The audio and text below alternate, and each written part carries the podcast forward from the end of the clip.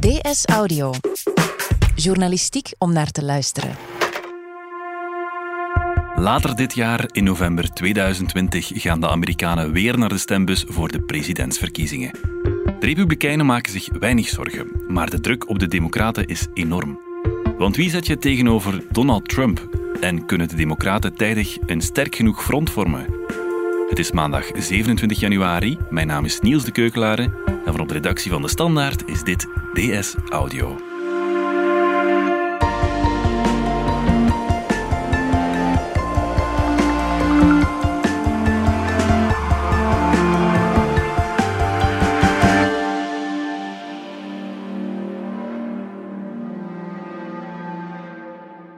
De New York Times schreef vorige week: De volgende president zal de richting van Amerika's welzijn bepalen en de toekomst van de planeet. Wellicht onherroepelijk. Steven de Voer, weekbladjournalist voor De Standaard en Amerika-expert. Staat er echt zoveel op het spel bij de volgende presidentsverkiezingen in Amerika? Ja, nou, dat denk ik wel dat dat niet overdreven is wat de New York Times daar schrijft. Je kunt natuurlijk zeggen, iedere verkiezing van de belangrijkste democratisch verkozen uh, politieke figuur in de wereld, dat is altijd belangrijk. Alleen is het nu toch zo'n geval dat volgens mij maar één keer uh, per honderd jaar ongeveer uh, voorkomt qua belang. Omdat je natuurlijk, ja, je zit tussen twee uiterste mogelijkheden. Ofwel krijg je nog vier jaar Donald Trump en wat de eerste vier jaar al heeft opgeleverd qua ongelukken voor zowel de Verenigde Staten als voor de hele wereld is, uh, is al bijzonder groot. En het, uh, het gevoel dat uh, nog eens vier jaar erbij, dat er dan op een heleboel terreinen dat de schade echt te gigantisch zou worden ja, daardoor, ja. dat is groot. Dus het is heel erg een, een nu of nooit gevoel. En wat bij de Democraten heel hard speelt, is dat ja, in principe zijn ze favoriet. Uh, als je kijkt naar de peilingen, als je kijkt naar uh, hoe onpopulair uh, Donald Trump toch is voor een duidelijke meerderheid van de Amerikanen, mm -hmm. dan ja, in principe moeten ze winnen. En die druk natuurlijk ook van we mogen vooral niet falen, ja, dat, dat maakt hen nog zenuwachtiger dan ze anders zouden zijn. Ja, ja. Als Trump zo slecht scoort in de peilingen, waarom zijn de Democraten dan zo bang? Ja, wel, als, als Amerikaanse verkiezingen gewoon zouden zijn uh, welke kandidaat haalt uh, de meeste stemmen, dan zou het eigenlijk min of meer een, een gelopen race moeten zijn. Mm -hmm. uh, ik bedoel, vorige keer Hillary Clinton was uh, een, zelfs bij de Democraten zelf uh, omstreden kandidaat. Er waren een boel dingen die tegen haar spraken. en Donald Trump haalde dan toch nog 2% minder uh, dan uh, Clinton deed. Mm -hmm. Maar het is niet een systeem zoals wij hebben. Ik bedoel, om allerlei historische redenen is dat Amerikaanse systeem zeer uh, bijzonder, met een soort onrechtstreekse verkiezing. En daarin worden staten die uh, meer ruraal zijn en, en minder dicht bevolkt, hebben die een veel groter gewicht in de eindbeslissing dan een staat bijvoorbeeld als Californië, uh, waar 1 op 6 Amerikanen woont en die door en door democratisch, maar die relatief weinig wegen in, in die eindbeslissing. Ja, dus ja. je kunt met minder stemmen uh, verkozen worden. We hebben dat vorige keer gezien. Men is bang voor een herhaling daarvan. In de Verenigde Staten moet je voor je president kan worden eerst de voorverkiezingen trotseren. Iets dat wij in België niet kennen. Hoe werkt dat systeem precies en waarom werd het systeem destijds ingevoerd? Wel, die voorverkiezingen, dat betekent eigenlijk dat Um, in tegenstelling tot bij ons in Europa bijvoorbeeld, dat het niet zo is dat uh, de verschillende partijen zeggen: kijk, dit is nu onze lijsttrekker en uh, hiermee gaan we naar de verkiezingen. Mm -hmm. De Amerikanen vinden dat uh, de burger daarover zelf moet kunnen beslissen. Um, en dat is volgens sommigen een beetje doorgeschoten. Ja, want sinds de jaren 60 is het zo dat het resultaat van de voorverkiezingen bindend is. Uh, wie daar wordt verkozen, uh, is ook de presidentskandidaat. Ja, maar dat idee dat die voorverkiezingen bindend waren, die hebben dan wel meteen in de jaren 70 tot uh, wat uh, politiek ongelukkige keuzes geleid. Uh, George McGovern, die heel erg links was, die geen schijn van kans had tegen niks en die ook is afgemaakt. Jimmy Carter, die wel president is geworden, maar ja, die, die had niet veel vrienden in het congres. Die zijn presidentschap is voor een flink stuk verzwakt door mm -hmm. het feit dat het, het eigenlijk ook een outsider was. En daarom hebben ze in de jaren 80 gezegd, we moeten toch een klein beetje controle terugpakken. We voeren een systeem in van zogenaamde superdelegates, supergedelegeerden. Ja, en die superdelegates, dat zijn dan mensen die meer ervaring hebben in de politiek, die toch wat gewicht in de schaal kunnen leggen om een voorkeurskandidaat naar voren te schuiven. Ja, en daarover hebben ze dus nu vier jaar geleden een gigantische interne rel gehad omdat uh, uit uitgelekte e-mails en zo is gebleken dat het partij-establishment toch wel heel erg wilde dat Hillary Clinton de kandidaat werd en dat ze Bernie Sanders eigenlijk helemaal niet zagen zitten. Uh, en dat heeft een pijnlijk gevolg gehad. Hè? Want het, feit dat, dat, dat, Sanders zich een beetje geflikt voelde in de voorverkiezingen, heeft ervoor gezorgd dat hij zijn kiezers niet heeft opgeroepen om in de uiteindelijke presidentsverkiezingen tussen, tussen Hillary en, uh, en Trump om, om achter Hillary te gaan staan. En het is wel duidelijk dat dat een van de hoofdredenen is waarom dat, uh, dat Trump heeft gewonnen en niet mhm. Clinton. Dus ja, dat, dat willen ze absoluut vermijden. En daarom hebben ze die superdelegates, die macht ervan ingekrompen. Uh, en wordt het dus nu basisdemocratischer dan ooit. De, de kiezer beslist. Uh, de partij heeft er nog heel weinig controle op. Ja. Het is nu democratischer dan ooit en iedereen kan in principe verkozen worden. Wat is daar dan het gevaar van in deze voorverkiezingen?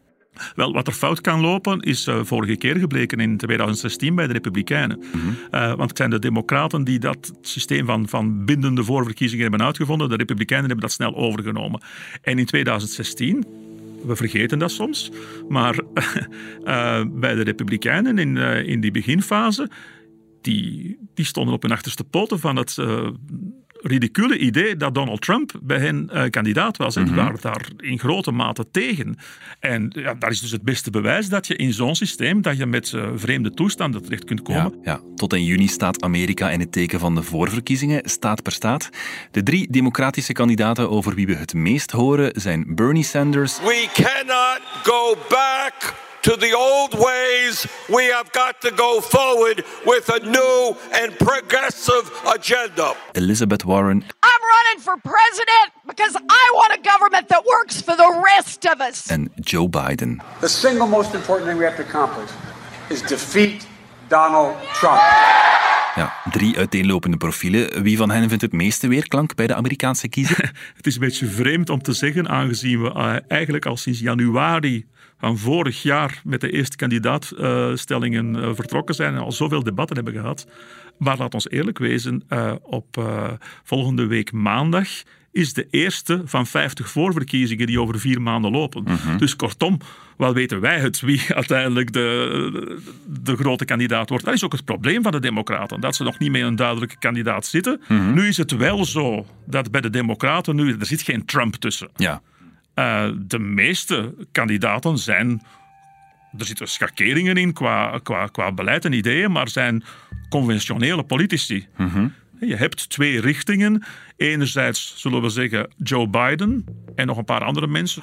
Uh, dat zijn de mensen die zeggen: uh, goed, het is erg wat er gebeurd is de jongste vier jaar, maar met een gewone terugkeer naar daarvoor, Joe Biden is acht jaar vicepresident van Obama geweest, kunnen we wel op de normale manier terug ons land op de juiste rails krijgen. Mhm. En anderzijds heb je kandidaten zoals uh, Sanders, die zichzelf socialist noemt. Dat is nogal wat in Amerika. Uh, echt aan de, aan de linkerkant nog van de Democratische Partij stond. Daar wel vaak mee meestemde, maar die geen echt lid van de club was. Mhm. En dat gevoel dat heeft vandaag nog altijd. Mhm. Uh, en de schrik dat als ze met een genomineerde zouden komen die zich socialist noemt, dat dat geweldig gaat uh, onbesliste kiezers en, en, gematigde kiezers gaat wegjagen. Dus Sanders is een beetje een geval apart. Mm -hmm. En Elizabeth Warren, die uh, zichzelf kapitalist noemt, maar die met sterk sociaal voelende ideeën toch ook wel bij Sanders aansluit. Dat zijn mensen die zeggen: nee, nee, Trump is geen incident geweest. Trump is eigenlijk door de fouten in ons systeem zelf gecreëerd. En we moeten veel radicaler het systeem gaan veranderen. En, en dus de, de onduidelijkheid over welke richting het gaat uitgaan, dat maakt dat uh, die, die eerste voorverkiezingen zo verschrikkelijk belangrijk zijn omdat ja, je begint in Iowa en New Hampshire. Dat zijn nu niet meteen staten die een ongelooflijk groot electoraal uh, gewicht hebben. Uh, maar door het feit dat ze de eerste zijn, dat is traditioneel zo, spelen die boven hun gewicht. Omdat mm -hmm. de kans dat de, de winnaars van die eerste voorverkiezingen opeens geweldig de wind in de zeilen krijgen, die is groot. En daarom zijn die eerste voorverkiezingen zo gigantisch belangrijk. Je zei daarnet dat de Democraten het intern nog niet helemaal eens zijn welke richting ze willen uitgaan. Is het niet stil aan tijd dat ze daar toch richting in kiezen? Ja, het is, het is meer dan stil aan tijd, het is hoogtijd. Um, en dat is, dat is wat, wat hun probleem is. Uh, in principe ben je favoriet, maar er zijn veel meer mensen uh, in Amerika die van Trump af willen dan dat er. Die zijn er ook veel mensen die uh, hem, hem, geweldig vinden. Maar dus ja, ben je bij wijze van spreken verplicht om die verkiezingen te winnen. Alleen moet je dus wel met de ideale kandidaat uh, zien aan te komen, met de witte merel. En zolang dat je onder elkaar er niet eens bent over wie dat gaat worden, uh, ben je tijd aan het verliezen. Bovendien, en dat is wel echt een uh, fundamenteel nadeel aan, aan die voorverkiezingen, is dat er eigenlijk vanaf begin februari tot begin juni, vier maanden lang, voorverkiezingen en debatten en zo, dat is al die maanden dat je tegen elkaar zit ruzie te maken. Mhm, mhm. Terwijl Trump niks hoeft te doen, want die heeft ja, pro forma wel een paar tegenkandidaten, maar bedoel, daar, Trump is de kandidaat, dat is, dat is, dat is zonder meer duidelijk. Mhm. Dus je ziet, je gaat, je gaat op tv maandenlang ruzie zitten maken, om dan te zeggen van, oh, dit is nu onze eensgezinde kandidaat. Dat is niet goed. Daarom voelt iedereen wel aan van hoe sneller dat we eensgezindheid hebben, hoe beter. Ja. Is er onderling dan echt geruzie op dit moment? Wel, tot dik een week geleden, tot zelfs in het laatste debat vorige week, uh, waren er uh, commentatoren die zeiden van ja zeg jongens, saaie boel hè, als je het allemaal zo eens bent, als je zo aan hetzelfde zeel aan het trekken bent. En toen gebeurde er iets op het einde waarbij dat uh, uitgerekend tussen Bernie Sanders en Elizabeth Warren, die normaal gezien dikke vrienden zijn, mm -hmm. dat Sanders twee jaar geleden had gewaarschuwd, een vrouw kan de verkiezingen niet winnen. Dat is natuurlijk nogal gevoelig, ik bedoel zeker Bij, bij, vrouwelijke kiezers. En Sanders kreeg er op dat debat een, een vraag over en zei gewoon, ik heb dat nooit gezegd. En Warren wilde dan voor de goede vrede in het huishouden, wilde daar toen geen punt van maken. Maar op het einde van dat debat, op het moment dat de klank al afstond, maar dat je de kandidaten nog wel zag handen schudden, kon dus heel Amerika zien dat Warren de uitgestoken hand van Sanders weigerde. En ze hebben dan ook door de mengeling van liplezen en van een beetje kunnen afluisteren, kunnen reconstrueren, dat zij toen gewoon boos tegen hem zei van ik geloof dat jij mij nu juist een leugenaar hebt genoemd voor, eh, voor heel tv-kijkend Amerika. En ze was boos. Mhm. En zij zelf zijn wijs genoeg om te weten, we hebben er geen belang bij bij die ruzie, maar hun fans, die zijn nu onderling online oorlog aan het maken tegen elkaar. En ja, natuurlijk vinden de Republikeinen en Trump die vinden dat geweldig. Mm die, die, die, die, hun uh, media zijn dat ook geweldig aan het uitvergroten. Dus het is wel van belang dat uh, dat soort akkefietjes uh, niet te vaak gaan voorkomen.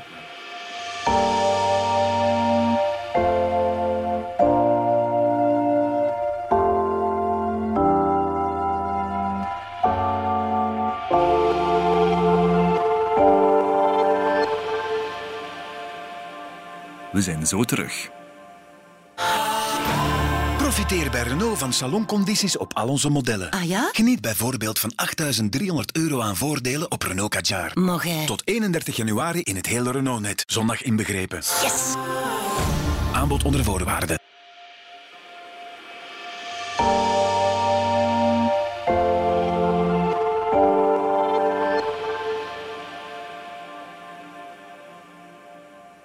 De Democraten zijn een afzettingsprocedure begonnen tegen Trump. Die is nu bezig in de Amerikaanse Senaat. Is dat iets dat in het voordeel kan spelen van de Democraten of staan ze daar niet per se sterker mee? Zeer moeilijk om daar een antwoord op te vinden. Eh, de media zijn formidabel gepolariseerd, dus de speculatie daarover gaat ook twee kanten uit. Uh, Republikeinen zeggen van fantastisch gedaan, Democraten. Als er nu één manier was om onze kiezers terug helemaal te enthousiasmeren en te zorgen dat ze zeker komen stemmen, ja, dan moet je wel vooral deze valse, oneerlijke aanval op onze president weken laten doorlopen op enkele maanden voor de verkiezingen. Dank u wel voor deze, voor deze geste. En terwijl dat uh, aan de democratische zijde, ze zeggen van ja, maar wat konden we doen met al het bewijsmateriaal dat zich aandiende? We konden toch niet anders meer dan die impeachment te starten, want de man is zo schuldig als wat. En als we daar nu geen punt van zouden hebben gemaakt omdat we weten, hij gaat niet afgezet worden. Maar als we dat niet eens geprobeerd hadden, wat voor ongelooflijke woesies zouden we dan geweest zijn? Dus ze hadden, ze hadden geen, geen keuze, ze hebben het gedaan. En je kunt dan inderdaad zeggen, dat kan republikeinen enthousiasmeren, maar als je ziet welke getuigenissen dat er naar boven komen en zo, welke feiten er uiteindelijk zijn bovengespit, ik kan me moeilijk voorstellen dat er, dat er geen onbesliste kiezers zijn die zich daardoor laten overtuigen en dat die impeachment dus wel behoorlijk beschadigend is voor Trump. Mhm. Hoe moet het nu verder voor de Democraten? Ja, wel, het is een beetje te hopen uh, dat de Democraten zo snel mogelijk uh, eensgezindheid vinden over een, uh, over een kandidaat. En à la limiet zou het zelfs kunnen dat ook na Super Tuesday, dat is begin maart, waarin er 16 staten tegelijkertijd kiezen, waaronder Californië en Texas en zo.